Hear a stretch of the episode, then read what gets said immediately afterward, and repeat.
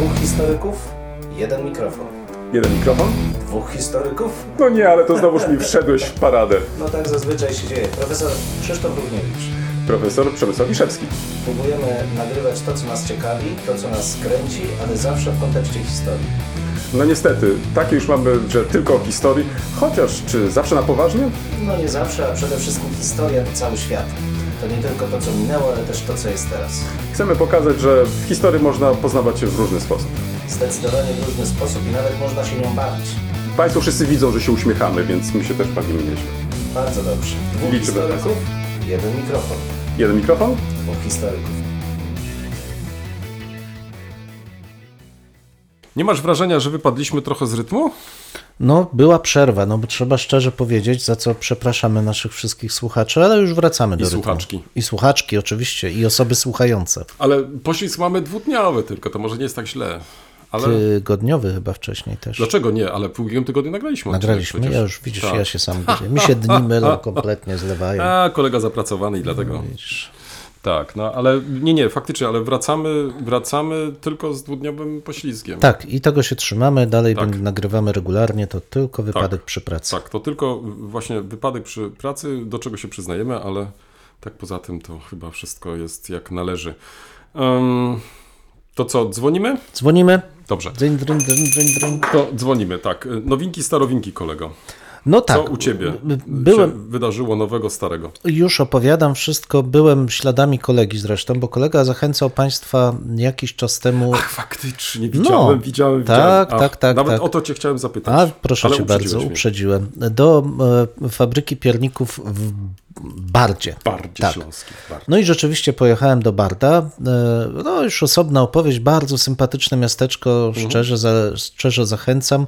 Myślę, że dwa dni można spokojnie tam sp- spędzić właśnie w takim spokojnym nastroju śląskiej prowincji. Bardzo mi się tam podobało.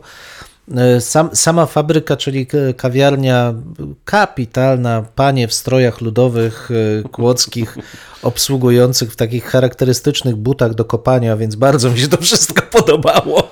Naprawdę serdecznie, serdecznie Co, Państwa zostałeś też zapraszam. tak? To jakiś taki... To... Nie, ale w ogóle bardzo fajnie, aczkolwiek ciasnawo trochę. To od razu trzeba uprzedzić, że, że to nie jest jakaś wielka, e, wielka przestrzeń, ale bardzo dobrze zorganizowana. Ale e, odnośnie nowinek, starowinek, e, dwie z Barda.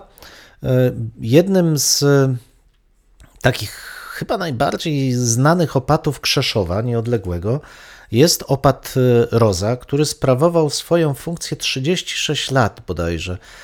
Od w drugiej połowie XVII wieku Bernard Roza, pochodzący z Wrocławia notabene w mm, Cysters, ale on z Bardem jest ściśle związany, bo to on rozpoczął fundację nowego kościoła, dzisiejszej Bazyliki Mniejszej, zapierającej dech w piersiach w tym małym miasteczku. Naprawdę pośrodku niewielkiego miasteczka nagle wyrasta ogromny kościół.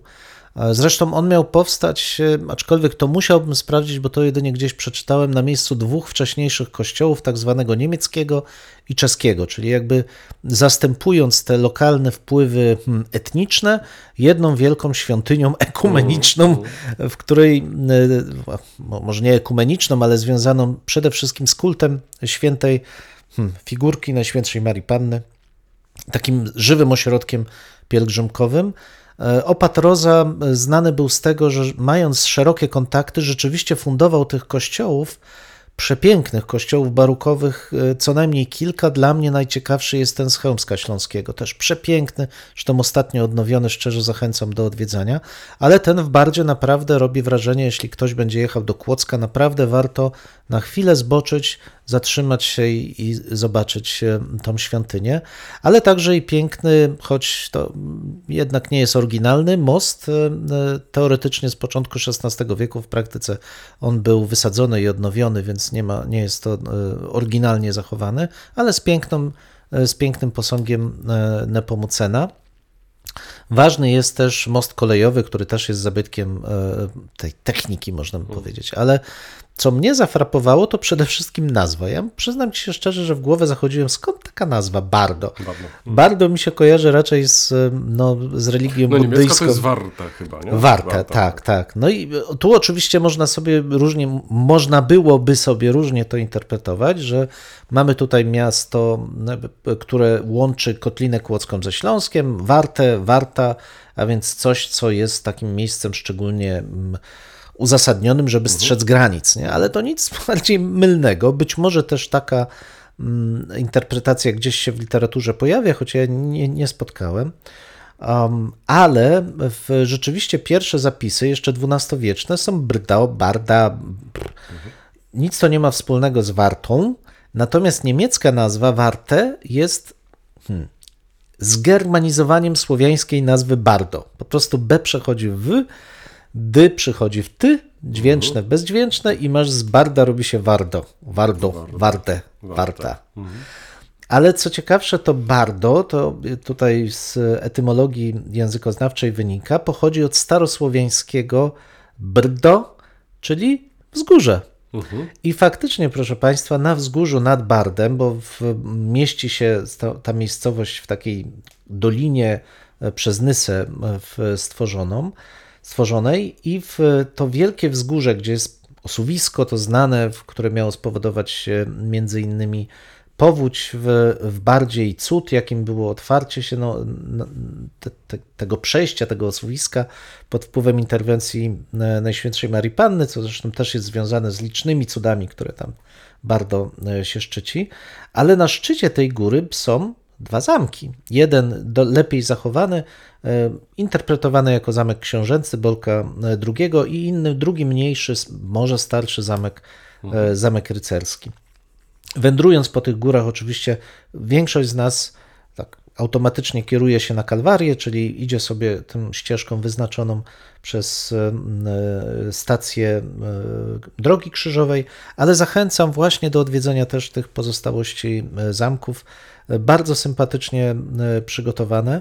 No i proszę Państwa, generalnie przepiękna okolica, która sprawia, że to wzgórze, to Bardo, choć położone w dolinie, nabiera zupełnie innego e, znaczenia.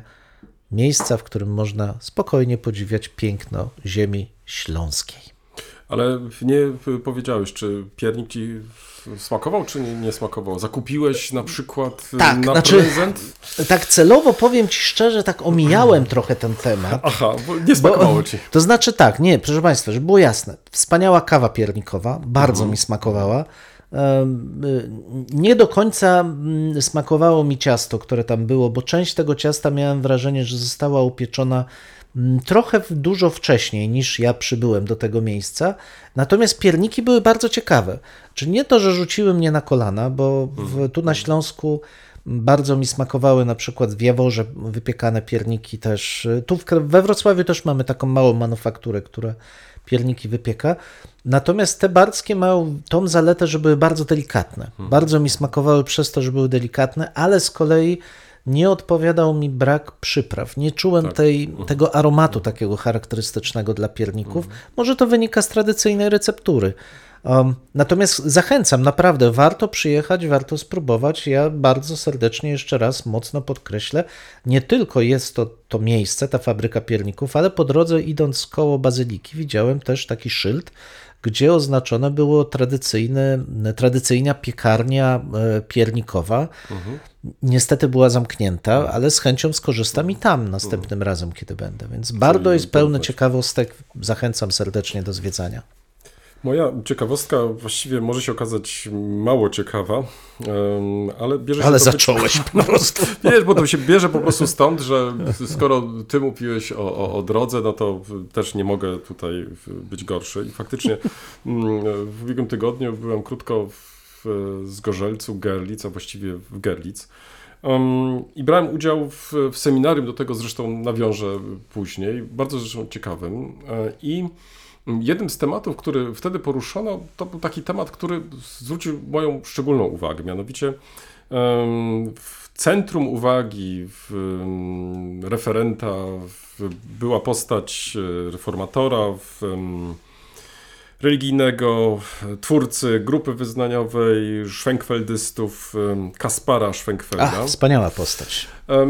I bardzo malownicza, Tak, tak. jak się okazuje, ale mniej może znana jest e, ze swoich takich em, em, też, e, mm, jakby to określić,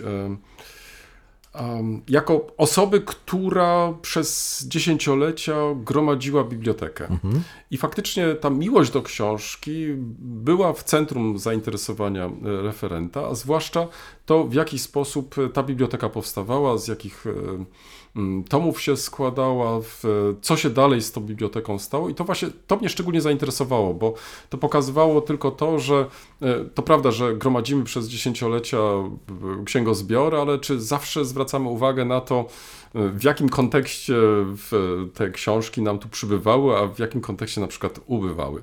Więc każdy z nas, oczywiście, jak tutaj siedzimy, ale pewnie i Państwo wszyscy przed, przed odbiornikami, pewnie możecie sobie wyobrazić taką sytuację, że mamy nie tylko księgozbiory, ale także i problemy, co z tymi księgozbiorami zrobić. Dla badaczy natomiast, i to było bardzo dla mnie ciekawe, przysłuchując się temu wystąpieniu, było dowiedzieć się, co się faktycznie stało z tą biblioteką, bo okazuje się, że ona nie dotrwała do naszych e, czasów, ale dotrwały do naszych czasów e, e, wykazy, co się w takiej bibliotece po prostu znalazło. I tutaj się pojawił bardzo ciekawy wątek, który mm, nie ukrywam, był dla mnie nowym wątkiem, bo zresztą to, ten, ten, ten problem podjęto w, i słusznie w trakcie dyskusji po tym wystąpieniu. E, Czy osoby, które sporządzały po śmierci em, Kaspara Schwenkfelda wykaz e, książek e, z jego biblioteki, e, zrobiły, czy wykazały wszystkie tomy. To znaczy, czy e, ten wykaz, e, ten opis, który mamy w jego biblioteki jest faktycznie stanem, jaki był w, w momencie śmierci, czy też na przykład, i takie podejrzenie mogłoby istnieć, że wybrano tylko te tytuły, które chciano, ażeby dotrwały one niejako do naszych czasów. To znaczy, być może nie uwzględniono tych e, pozycji, które uznano, że one no, nie do końca pasują do tego obrazu samego e, reformatora, że trzeba po prostu e, do, m, e, jakoś może nie uwzględniając e, przemilczeć, że na przykład w jego księgozbiorze były takie, a nie inne pozycje. Jest to bardzo ciekawy wątek, bo e, często jest też tak, że nie zawsze mamy możliwość zaznajomienia się z też poznania zbioru jako takiego w całości. E, a tylko mamy do czynienia z, z jego opisami lub też inwentarzami.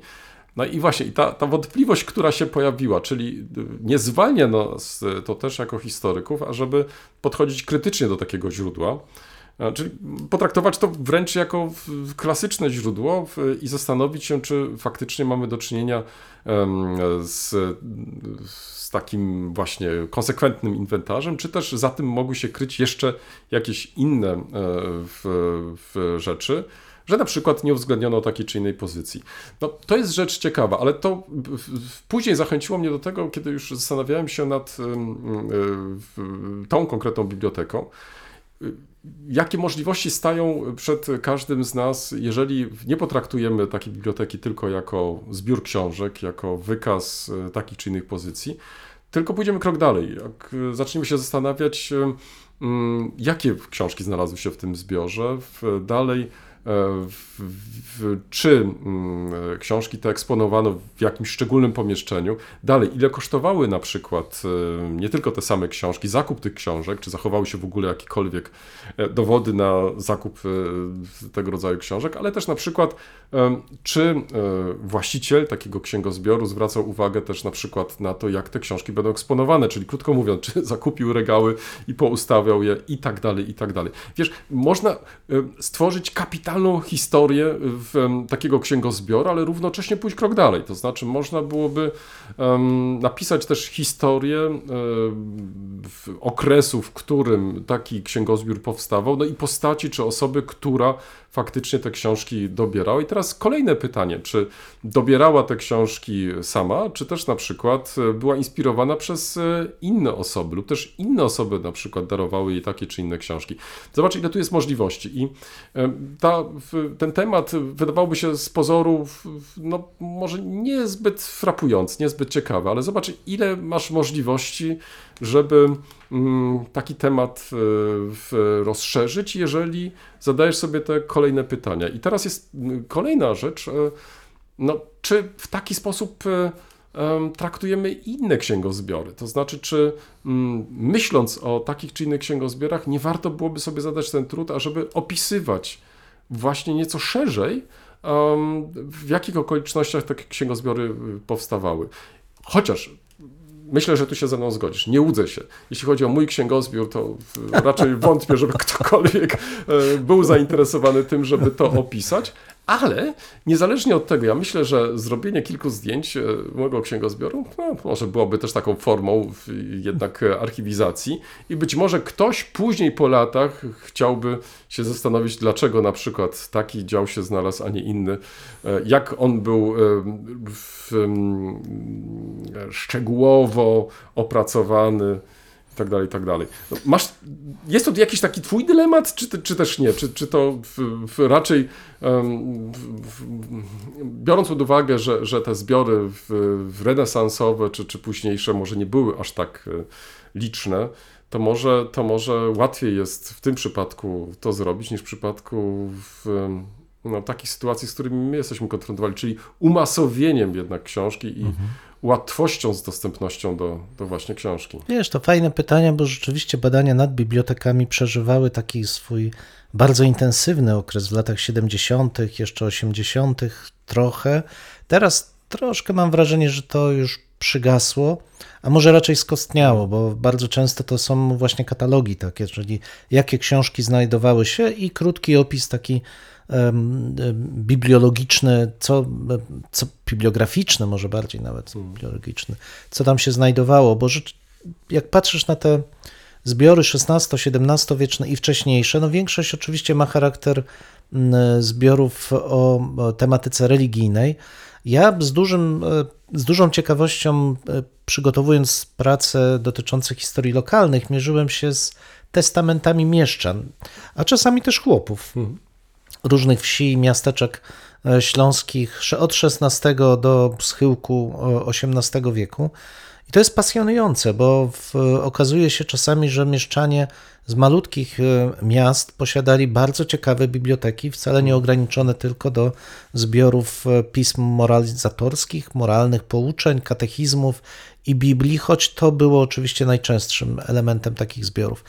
Pytanie o wielkość tych zbiorów. I to jest ciekawe, co powiedziałeś. Czy wszystkie notowano? Tak, tak. Z tych testamentów, które ja czytałem, wynikało, że tak, że starano się notować wszystkie, ale to wynikało z tego, że tych księg było 20, 30 maksymalnie, często to było kilka sztuk. Natomiast najstarsze nasze takie katalogi, jakie znamy, czyli na przykład w testamencie księcia Ludwika II w, z drugiej połowy XIV wieku jest wspomniane bardzo ogólnie, że miał bibliotekę i, i wymienione kilka sztuk. Więc na pewno było tych książek więcej. A że te książki miały różne swoje losy. Ja pamiętam ze swoich badań z kolei taką zabawną historię, którą dopiero z biegiem czasu udało mi się rozwikłać. Księgozbiór klasztoru benedyktynek w Legnicy i nagle znajduję tam XVII-wieczny podręcznik do nauki jazdy konnej po francusku. No i z całym szacunkiem, ale benedyktynki nie uczyły się jeździć konno. Skąd więc Tak. no i okazuje się, że rzeczywiście jedną, e, jedną z jed, mniszki w pewnym momencie po rewolucji francuskiej przeje, przyjęły część e, zakonnic i zakonników też, którzy musieli opuścić Francję. I między innymi z nimi właśnie ten, e, ten, ta, książka, ta książka przybyła do Legnicy. Więc Habent sua fata libelli, obserwacja tych e, bibliotek niesie ze sobą wiele frapujących e, wniosków. I daje nam możliwości kolejne badawcze. Tak to, jest. Tak, to myślę, że to jest bardzo fajny temat, a poza tym to chyba nie jest taki sztampowy temat też. To Mhm. znaczy, to nie jest i historia polityczna, to nie jest Tak. jakaś tam z zakresu relacji takich czy owakich, Tak. ale w stosunku do książki i, i co na tej mm, przykładzie można zrobić właśnie z takim materiałem. Dokładnie Mnie się tak. wydaje, że bardzo, bardzo, bardzo fajny temat.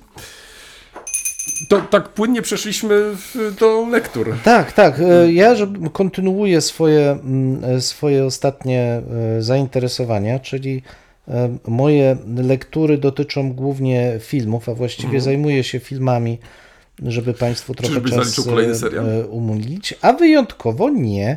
Otóż chciałem Ci powiedzieć, że nie chcę dzisiaj mówić o seriale, Mhm. o serialu, tylko o filmie Mhm. będącym ekranizacją no, bardzo znanego dzieła, niezbyt obszernego, czyli Na Zachodzie bez zmian. Mhm. O, już Tak. obejrzałeś? Już bo obejrzałem, tak. W, Jakoś nie miałem specjalnie. Przypomnę Państwu, w tym roku rzeczywiście właśnie wszedł e, Tak, tak, bo to do, do serwisów. film, tak. Mhm. Pierwsza ekranizacja, z tego co widzę, była w 1930 roku. Potem 79, ten chyba też do tej pory najbardziej mm, znany. No i obecnie mm, w 2022 e, roku, jeszcze tak szybko patrzę, tak. W jednym z serwisów streamingowych, nie będziemy robić tutaj w reklamy, każdy sobie sprawdzi, mm, Czym się różni od tej poprzedniej ekranizacji, poza technologią, bo oczywiście jest inna w tej chwili technika e, kręcenia scen, zwłaszcza scen batalistycznych, na pewno jest mniej poetycki. To tam te poprzednie mm, ekranizacje, może też ze względu na to, że nie było takich możliwości właśnie technicznych, była dużo bardziej um, refleksyjna. Ta, e, ta, to, mm, ta ekranizacja jest dużo bardziej dosłowna, ale też dużo w większym stopniu zwraca uwagę na rozdzielenie hmm, losów dwóch grup społecznych. e, Z jednej strony polityków, ale i w obrębie polityków brak jest zgodności tego działania, a z drugiej strony żołnierzy, e, tych młodych ludzi, którzy w, uczestniczą w wojnie. Nie chcę zdradzać puenty i w, zresztą każdy, kto przeczytał książkę wie, jak ona się e, kończy. Kto nie, zachęcam do obejrzenia, ale nie jest to film dla ludzi o słabych nerwach. przeczytania? E, Film, Książki. film obejrzenia, a przeczytania książki. Tak, tak, tak. I- i Mówię, że nie jest to film dla ludzi o słabych nerwach, nie dlatego, że są tam jakieś takie wstrząsające hollywoodzkie obrazy, gdzie epatuje się krwią, i, ale pokazuje się wojnę. Rzeczywiście pokazuje się tą pierwszą wojnę światową e, w całej okrucieństwie, beznadziei i takim mm, specyficznym klimacie wojny pozycyjnej, która w, w tym okresie panowała. Natomiast nie skupia się, i to, to też jest ciekawe, że nie ma tu skupienia na kwestiach technologicznych. Jest cały czas ten przekaz pacyfistyczny bardzo mocny. I mm, o ile w tej poprzedniej ekranizacji z 70 roku, 79, większą uwagę poświęcano osobistym przeżyciom, ona była bardziej w moim odczuciu skupiona na indywidualnym losie bohatera, tak tutaj mamy do czynienia raczej z pokazaniem szerszej perspektywy losów zbiorowych tych, y, tych bohaterów. Um, nie oglądało się tego łatwo, od razu powiem. Mm, Kilka lat temu, chyba trzy, wyszedł taki film 1917, Tak. Też pokazujący e, okres I wojny światowej, taki trochę film drogi, cudzysłowie oczywiście, również pokazujący ten, ten element frontu, front zachodni, um, trudny, okrucieństwo i trochę bezsens śmierci z drugiej perspektywy, tej perspektywy francusko-angielsko-amerykańskiej. Myślę, że ciekawie jest porównać te dwa e, obrazy. Moim zdaniem ten, ten ta ekranizacja na zachodzie bez zmian jest dużo mocniejsza, ma bardziej klarowny wydźwięk. Mm, Chyba dla historyków może być fajnym wprowadzeniem dla studentów, czym była pierwsza wojna światowa. Nawet lepszym niż 1917, choć tamten film też, e, muszę powiedzieć, z dużym szacunkiem traktuje. Państwo wiedzą, że ja nie jestem e, wielkim e, zwolennikiem filmów historycznych, ale tu wyjątkowo muszę powiedzieć, że warto obejrzeć, choć nie oferuje to absolutnie łatwej rozrywki. Wiesz, ja tak się teraz jak relacjonowałeś e, informacje o tym filmie, zacząłem tak się zastanawiać, bo na początku powiedziałem, że, że dotąd jakoś nie zebrałem się, żeby ten film obejrzeć. Tak się zastanawiałem, dlaczego. E, I tutaj to zadam Ci też pytanie, bo ten film nie ukazuje się e, przypadkowo, tak mi się przynajmniej wydaje. No, to trwa w końcu wojna e, w, za naszą wschodnią granicą. No i być może dla mnie to był jeden też z powodów, że, że nie chciałem y, oglądać kolejnych scen y, e, śmierci, nazwijmy Tak. to tak może umownie. tak, tak. I czy widzisz tutaj y, taki związek? Czy to, ten dylemat, y, który ja mam, jakieś te pewne opory, żeby, żeby ten film obejrzeć, albo no nie jest to jeszcze ten moment, że chciałbym po prostu usiąść i, i- spokojnie sobie ten film Mhm. e, w, jakoś e, w, się, się, się zmierzyć z tym, z tym, z Mhm. tym obrazem. E, czy, czy widzisz tutaj jakiś związek właśnie między w, w tym Mhm. filmem a, a wojną, która, która obecnie trwa? Wiesz, ja domyślam się, że ten związek może być e, trudny, bo jest to film pacyfistyczny. To trzeba, no bo taka jest książka. tak, tak, Mark tak. napisał ją w bardzo konkretnym celu. Po ogromnej traumie, jaką była pierwsza wojna światowa. Myślę, że z tej traumy my w Polsce ciągle nie zdajemy sobie sprawy, bo ona miała inny charakter. Pierwsza wojna światowa w Polsce. My jesteśmy raczej dziećmi traumy II wojny światowej. Ale w, dzisiaj ten film ma szczególny wydźwięk, bo z jednej strony można się obawiać, że zostanie odczytany właśnie jako taki bezwzględny ma- manifest pacyfistyczny, że wszystko jest war, bardziej warte niż prowadzenie wojny, że trzeba zawrzeć pokój za wszelką cenę. I to rzeczywiście takie obawy można mieć, no ale Ale mi przypomina się taki fragment eseju, który niedawno czytałem, że wojna jest zła, jest złem bezwzględnym. Tu ja nie mam co do tego wątpliwości. Wojna jest zła, ale to nie znaczy, że zawsze można jej uniknąć. To jest ten, ten tragizm, który akurat w tym filmie chyba widać bardzo dobrze, bo on pokazuje bezsens działań i polityków, i, w, i wojskowych, y, głównodowodzących i dowodzących, ale z drugiej strony pokazuje też starania o wyjście z tego impasu, nie, nie, nie uprzedzając. I ja bym powiedział, że to jest dobry film, żeby uświadomić sobie, jak bardzo zła jest wojna, żeby docenić ogrom cierpień, jaki toczy się na wojnie i z czym muszą mierzyć się nasi wschodni sąsiedzi, którzy nie zostali postawieni przed wyborem, czy chcecie wojny, Tak, czy nie. tak, tak. Oni nie mieli tego wyboru. Wojna na Ukrainie jest wojną, w którym jest napadający i napadnięty. To jest jasny podział. Jedyne, co można powiedzieć, to, że trzeba zrobić wszystko, żeby nie dopuścić do tego, żeby ta wojna zakończyła się tak, że otworzy kolejne wojny. Moje lektury w minionym tygodniu w, poszły może nie aż tak daleko, jak, jak teraz e, to, co przedstawiłeś, czyli, czyli to takie większe zastanowienie się nad wojną i jej skutkami. Ale mm, powiem tak, że, że, że wprawdzie tutaj wojna nie pojawia się jeszcze, bo, bo książki nie skończyłem, od razu powiem e, na początku, ale zacząłem e, czytać. Ale tematy podejmowane przez autora są, są mocne, to znaczy też są takie, które nie zawsze może, jeśli zajmujemy się taką czy inną problematyką, zawsze nam towarzyszą. Teraz czego dotyczy książka i kto jest autorem? Otóż czytam reportaże Jerzego Haszczyńskiego, e, dziennikarza, e, rzeźnia numer jeden i inne reportaże z Niemiec, e, która ukazała się nakładem wydawnictwa Czarne. Często przywołujesz e, tą serię reportaży wydawanej e, przez właśnie to wydawnictwo. Ukazała się ta książka dosłownie na dniach i, i jestem po lekturze pierwszych esejów i muszę powiedzieć, że one wciągają. To znaczy jest to dobry kawał literatury reportażowej i takiej, którą każdy by sobie życzył, e, kto jest zainteresowany tego rodzaju gatunkiem. To znaczy mamy pewien problem, mamy też e, pokazanie tego problemu z e, różnych punktów widzenia.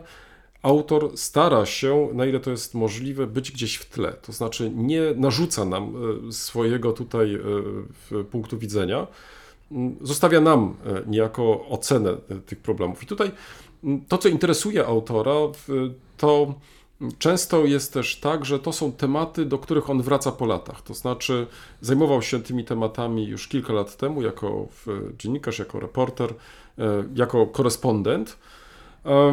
I mm, pisząc na te tematy e, pod ciśnieniem czasu, na bieżąco, mógł doprowadzić e, te tematy do pewnego etapu. To znaczy, nie zawsze mógł postawić tą kropkę na dni. Teraz e, postanowił wrócić do tych tematów i pokazuje nam te tematy w sposób już bardziej taki dopracowany, już taki, gdzie faktycznie pewne procesy zostały zakończone. I czy to będą w- na przykład tematy dotyczące przeszłości, zwłaszcza okresu II wojny światowej, czy będą to tematy współczesne, jak chociażby ta tytułowa e, rzeźnia, w- gdzie chyba każdy z nas będzie zaskoczony, jeżeli sięgnie po ten tekst i zobaczy, mm, jak trudno jest bez emocji pisać e, o tak e, skomplikowanym temacie, gdzie zatrudnione rzesze osób w, masowej e, rzeźni konfrontowani są ze śmiercią, konfrontowani są być może także i z tymi dylematami, em, jak długo mogą jeszcze pracować w takich warunkach, bo to, co autor wykazuje, to e, często osoby, robotnicy współcześni, e, sezonowi, zmuszeni są do pracy w strasznych warunkach. No i mimo, że władze tej, tego przedsiębiorstwa twierdzą co innego, e, to jednak e, faktycznie, jeżeli e, wysłucha się lub też wsłucha się w opowieści e, tych właśnie konkretnych osób, no to wychodzi całkiem inny obraz. I mnie się wydaje, że to jest właśnie ogromną siłą tej publikacji. To znaczy, że autor świetnie się wpisuje do w, e, różnych e, w, pisarzy, reportażystów, którzy starają się nam przybliżać rzeczy, wydawałoby się nam znane, ale robią to w taki sposób, że chcemy czytać dalej, że chcemy poznawać. Lub też mamy chęć, żeby pogłębić sobie taki czy inny temat. E, Tak jak wspomniałem, zacząłem czytać e, te mm, e, reportaże. W, w, jestem, nie ukrywam, pod wrażeniem tych pierwszych części. Pewnie dokończę w ciągu tygodnia, więc może za tydzień podzielę się jeszcze dodatkowymi uwagami. Już teraz chciałbym e, jednak e, tą książkę polecić, bo myślę, że jest warta, a biorąc pod uwagę, że mm, ta problematyka niemiecka, no nie tylko podczas naszych rozmów, ale generalnie w, budzi w spore zainteresowanie, to myślę, że warto mm, zapoznać się e, w, mm, z tą problematyką, e, a zwłaszcza jeśli przybliżają nam ją specjaliści, a do takich należy Jerzy Haszczyński. Czyli jeszcze raz, Jerzy Haszczyński, rzeźnia numer jeden i inne reportaże z Niemiec. Mm, Wydawnictwo czarne. Mm, Książka ukazała się. I teraz wiesz co, muszę dokładnie się temu przyjrzeć. Wołowcu? Czy Tak, Wołowcu. Tak, tak, Wołowcu czy tak. Wołowiecu? Wołowcu. Wołowcu, tak, Wołowcu, w tym- Wołowiec w Wołowcu. Tak, w tym właśnie roku. Także z tą taką może pewną trudnością w, wypowiedzeniu nazwy.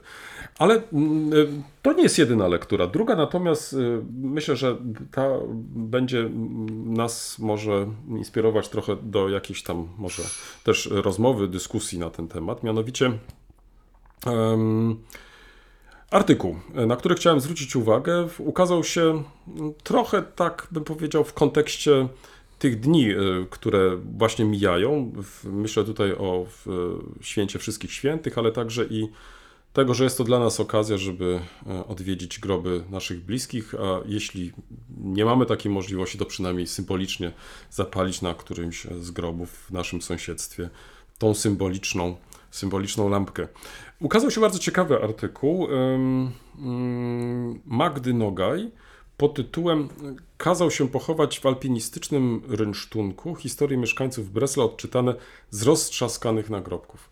Jest to, muszę Ci powiedzieć, bardzo ciekawy tekst, ponieważ on jeszcze raz nam pokazuje, jak rzeczą ważną jest em, zwracać uwagę tutaj na mm, to, w, w, em, jak się obchodzimy z nagrobkami, co się z nimi dzieje.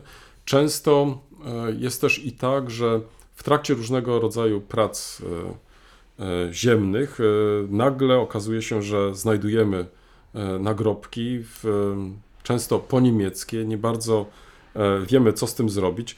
Tutaj autorka przekonuje nas, e, że są osoby, które interesują się tą problematyką, że e, zastanawiają się nad tym, co z tym właśnie e, zrobić, że też e, próbują ratować, albo e, też, e, jeśli to jest możliwe, mając na uwadze takie czy inne osoby, szukają o nich informacji, przybliżają nam te informacje. I tu dzięki temu artykułowi e, nie tylko poznajemy takie osoby, które się tym zajmują, które uczyniły z tego, bym powiedział, zadanie trochę swego życia, ale też dowiadujemy się o różnego rodzaju mm, wykazach, do których można sięgnąć. I często jest też tak, że Sami e, szukamy informacji o różnych osobach, chcemy się dowiedzieć, na których cmentarzach te osoby spoczywają. Tutaj w tym artykule można bez większych problemów znaleźć odsyłacze właśnie do takich, do takich e, wykazów. Więc e, z tego punktu widzenia także i ten artykuł, który ukazał się niedawno w gazecie wyborczej, wart jest uwagi, tylko przypomnę, Magda Nogaj kazał się pochować w alpinistycznym rynsztunku. Historię mieszkańców Breslau odczy, od, odczytane z roztrzaskanych nagrobków. Ach, ojej. Bardzo ciekawy temat. No, ja nawet e, będąc e, ostatnio na cmentarzu w takiej małej miejscowości e, w Kuźnicach m, pod Boguszowem Górcami zobaczyłem, że tam też ufundowano coś w rodzaju pomnika ku pamięci tych Byłych mm, mieszkańców. Tak? byłych mieszkańców. Tak, i- dosłownie są to roztrzaskane nagrobki. Znaczy jest kilka takich, które przetrwały, ale jest to zale, zaledwie kilka. Większość została pewnie zniszczona bądź wtórnie użyta do jakichś celów e, budowlanych, ale już sam fakt, że mimo wszystko ten e, pomnik na cmentarzu nadal jest, ktoś nadal zapala świeczki, jest takim poruszającym i ciekawym e, dla tożsamości tych naszych lokalnych tu na Śląsku znakiem.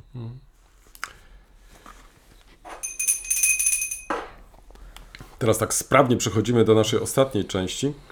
Postanowiłem kolegę tak trochę wyciągnąć na mm, rozważania dotyczące pasji. To nie jest temat e, nowy, ale chciałbym się trochę wytłumaczyć. Mianowicie wspomniałem o tym, że uczestniczyłem ostatnio w, e, w ciekawym seminarium. To już nie jest istotne jakim, bo, bo tu chciałbym to troszeczkę uogólnić. I w, byłem świadkiem wystąpień różnych osób. e, I to, czemu właściwie, mm, albo to, co mi się rzucało w oczy, to e, bardzo różne były podejścia e, tychże właśnie osób do tematu przez siebie realizowanych. I w którymś momencie zacząłem się zastanawiać, hmm, jak to jest, że zajmujemy się tematami, wybieramy takie tematy, no i czasami, kiedy przedstawiamy te tematy, to wychodzą z tego flaki z olejem.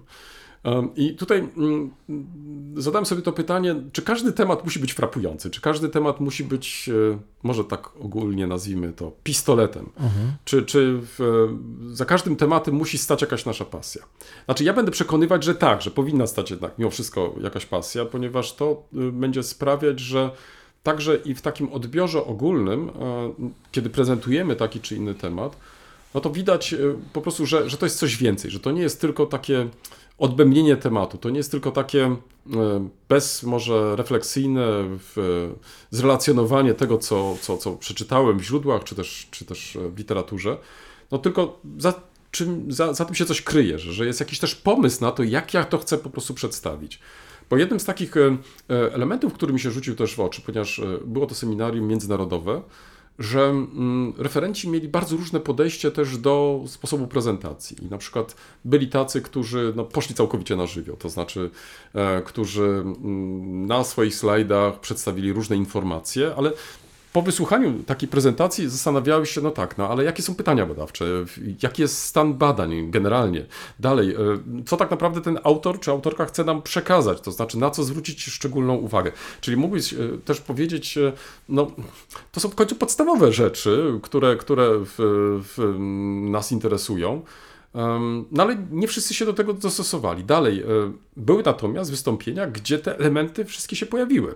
I wtedy widziałeś te ogromne różnice. To znaczy, czy to jest związane z tym, że, że także i my może nie zawsze zwracamy uwagę, jak nasze koleżanki i koledzy, e, albo na, może inaczej, jak nasi studenci e, w, prezentują e, różne e, tematy. Um, tak więc dwa, ma, mamy dwa, dwa, dwa problemy, które mógłbym wskazać. Z jednej strony coś, co moglibyśmy określić jako pasja, czy, czy za każdym tematem powinna stać pasja, a z drugiej strony, jak podzielić się tą pasją, bo czy tą pasję można w jakiś sposób wrzucić w jakiś taki gorset e, stałych elementów, które muszą się pojawić podczas takiej prezentacji, bo w innym przypadku ona nie będzie zrozumiała, lub też ewentualnie będziemy mieli wrażenie jednak mimo wszystko jakiegoś takiego dużego chaosu, który powstał w trakcie realizacji takiego tematu.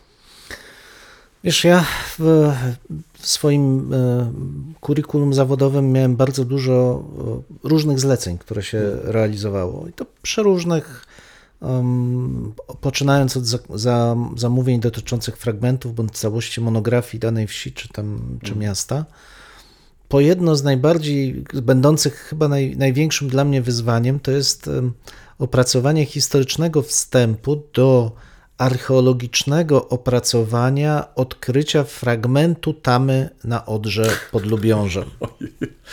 Ej, że zapamiętałeś, to musiał być jakiś traumatyczny temat, skoro zapamiętałeś. No ale właśnie widzisz, właśnie dlaczego o tym mówię w kontekście, e, w kontekście tej inspiracji, czy w kontekście tej pasji, którą się ma, bo temat, który, od którego aż zęby bolą, na, kiedy się samemu słucha takiego tematu, no bo co ciekawego może być we fragmentach tamy odkrutej na Odrze pod Lubiążem.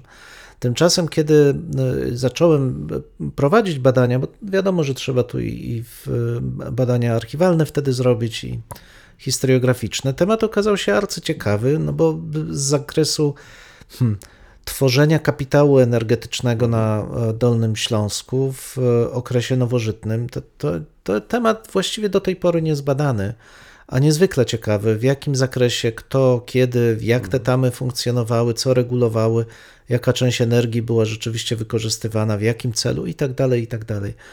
Więc temat, który wydawał się, wydaje się czasami na pierwszy rzut ucha niesłychanie nudnym, może stać się elementem pasji, ale to znowu właśnie tutaj chyba bym podkreślił, że może stać się. I to chyba zależy od nas, bo kiedy rozmawiałem z moimi kolegami z Polski o, o tych badaniach z zakresu regionalistyki czy historii lokalnej, to dla większości one z definicji są nudne. Nie dotyczą historii powszechnodziejowej, nie, nie są ekscytujące w perspektywie narodowej czy państwowej no, są jakimiś drobnymi historiami drobnych wspólnot, w dodatku w naszym przypadku wspólnot, których już nie ma, bo my tworzymy coś, co związane jest z kontekstem kulturowym, a nie takim lokalno-etnicznym czy jakkolwiek innym. Ale dla mnie to są badania naprawdę pasjonujące. To są pojedyncze losy także grup społecznych, ale głównie poszczególnych osób, które starają się walczyć z otaczającym nas chaosem, tworzą coś, przegrywają, czasami rzadziej wygrywają. Niesamowite e, doznania, zwłaszcza z lektury bardzo szczegółowych raportów źródłowych. I ta pasja, która z tego się rodzi, ma bardzo indywidualny charakter. To znaczy, w moim odczuciu to zależy od osoby. Czy, czy trafisz na osobę, która rzeczywiście potrafi i to użyję takiego słowa, przetransformować nawet najnudniejszy temat w coś, co może być ciekawe, bo uogólnienia, które z tego wynikają, mogą być ważne dla każdego no odbiorcy. tak, ale często taki kontrargument, który się pojawi i on tutaj mhm. się u Ciebie pojawi na samym początku, ale poszedłeś w swoich rozważaniach trochę w innym kierunku i chyba, przynajmniej z mojego punktu widzenia, bardzo słusznie. Mhm. Mianowicie, że no, nie każda praca musi być e, pisana z pasją, bo to może być praca zlecona, to może być mhm. E, praca przykładowo na ocenę, to może być e, zamówiona i tak dalej, i tak dalej. Ale nawet czy wtedy nie powinniśmy jednak mimo wszystko się zastanowić, co chcemy przekazać, co chcemy powiedzieć. I tak. tutaj tu jest widoczna ta nasza pasja, bo e, czy ograniczymy się tylko do tych podstawowych źródeł, możemy to zrobić. I podejrzewam, że mm, zostałoby to też zaakceptowane, bo to jest w końcu nasza propozycja, my jesteśmy specjalistami, proponujemy to. Ale często jest też i tak, i to jest to chyba, co sprawia, że widać w nas tą pasję, że nie kończymy na tym, że szukamy dalej, że y, staramy się wybrać może takie elementy, które dotąd nie były znane, przybliżyć je, opisać mhm. dalej, może dobrać też inaczej ilustracje niż te, które były dotychczas e, wykorzystywane mhm. i tak dalej, i tak dalej. Jest to oczywiście związane z dodatkowym nakładem pracy, ale czy to nie jest coś oczywistego, to znaczy coś, co powinno nam stale towarzyszyć, już abstrahując od tego, że zastanawiamy się też nad formą podania tego, żeby mhm. to też było w jakiś sposób atrakcyjne, żeby to, tak jak w Twoim tym konkretnym przypadku, ta tama nagle zaczęła nam się stawać jakimś bardzo ważnym punktem odniesienia i żeby zachęcić tym samym do poznawania tej mhm. problematyki. Tak, no wiesz, są różne Mam różne nudne doświadczenia w teorii. Tak. Jednym z nich na przykład było wypełnianie bazy danych e, dotyczących klęsk żywiołowych e, na Dolnym Śląsku. No taką bazę trzeba stworzyć. Tak, no. trzeba i to, to był tak, jeden z grantów. Tak. Ja zostałem tam wykonawcą w grancie. e, brałem monografię poszczególnych miejscowości i wypisywałem wszystko. No, proszę Państwa, to nie jest fascynujące, bo jest się na, takim narzędziem, które po prostu ma pewne umiejętności, ale w trakcie takich lektur nagle okazuje się, że pojawiają się właśnie rzeczy, które zaczynają nas zaciekawiać. Pytania badawcze, których wcześniej nigdy byśmy nie postawili, bo jesteśmy skonfrontowani z zupełnie nowymi e, materiałami. Natomiast wiesz, ja e, też sam siebie pytając czasami, czy muszę podjąć jakieś zlecenie. E, Ja raczej podejmuję wszystkie zlecenia, bo uważam, że nie ma innego wyjścia. Takie jest życie. Ale e, kilka razy zdarzyło mi się zrezygnować, ponieważ po No ale pierwsze. nie, nie przekonasz mnie, że wziąłeś zlecenie na przykład ze starożytności. No właśnie do tego zmierzam, że moje kompetencje mogły być niewystarczające i to jest pierwsza rzecz, ale czasami też to zlecenie mogło być takiej natury, że po prostu uznałem, że nic z tego dla mnie nie wyniknie. A niestety, jeżeli czymś się zajmujemy, to musimy zdawać sobie sprawę, i to chyba przychodzi z wiekiem, że sprzedajemy swoje życie. To są godziny, to są dni, które musisz spędzić, żeby coś opracować. I teraz pytanie, co z tego otrzymujesz? Jak, jaka jest ta Twoja nagroda? Finanse są ważne, ale one w naszej pracy chyba nie wyczerpują e, tego, mm, czym jest właśnie to, to nasze działanie. Ja bym powiedział, że jeśli nie ma tej pasji, to działanie jest po prostu przerażająco standardowe, sztampowe i niestety podatne też na manipulacje, bo nie ma w tym naszego serca. Znaczy wiesz, ja myślę, że e, tutaj jest też i tak, że e, w, w, pewne granice, które zauważamy i poza które nie powinniśmy przekraczać, poznajemy dopiero w trakcie pracy też. E, Przypominam sobie jeden z wielu takich przypadków, kiedy poproszono mnie o przetłumaczenie mm, tekstu, który napisał historyk sztuki.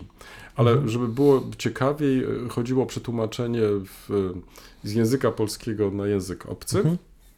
E, I muszę ci powiedzieć, że e, wtedy poznałem granicę znajomości e, języka, na który miałem przetłumaczyć. Nie dlatego, że nie zadałem sobie trudu, to znaczy e, wypożyczyłem literaturę dostępną, e, także w tym języku, tak żeby móc w jakiś sposób od- oddać mm, poprawnie te pojęcia, które użył ów historyk sztuki i tak dalej, i tak dalej. Ale nakład pracy, który poświęciłem, ostatecznie przetłumaczyłem ten tekst, ale nakład pracy, który poświęciłem na przetłumaczenie tego e, tekstu, no był tak duży, że postanowiłem więcej tego nie robić. To znaczy, tak jak wspomniałeś, te kompetencje, one są ograniczone i e, wtedy, gdybym się podjął kolej, tłumaczenia kolejnych tego typu tekstów, no to no, po prostu wystawiłbym się na śmieszność. To znaczy, raz, że, że nie robiłbym tego kompetentnie, dwa, robiłbym to w, być może na kolanie.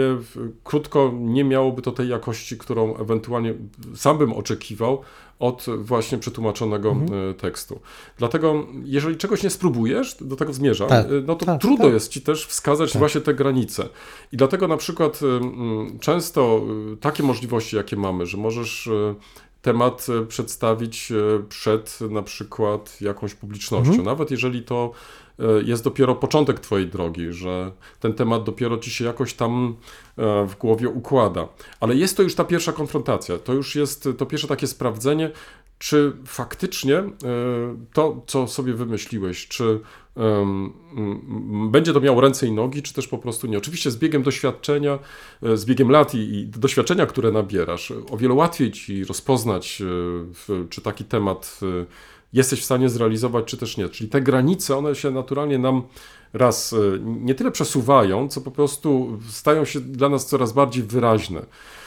I dlatego na przykład, y, w, i tu konkluduję, dlatego trochę dziwi mnie też postawa niektórych młodych ludzi, że nie korzystają z tego, że e, często podejmują się w opracowania takich czy innych tematów, na których, umówmy się, do końca się nie znają, lub też nie mają wręcz pomysłu, jak taki temat można było opracować. Dlatego em, z jednej strony ta pasja oczywiście jest ważna, ale z drugiej strony wydaje mi się to, na co zwróciłeś uwagę, też e, jednak kompetencja i doświadczenie e, przy realizowaniu tego rodzaju tematów. No ale też pamiętajmy, że ta pasja jakby musi poprzedzać to, co zaczynamy robić, bo tych kompetencji też się nabywa. No to mm, rzadko jest tak, że zaczynając pracę już wiemy wszystko na ten temat. No troszkę to by było mijało się z celem właśnie.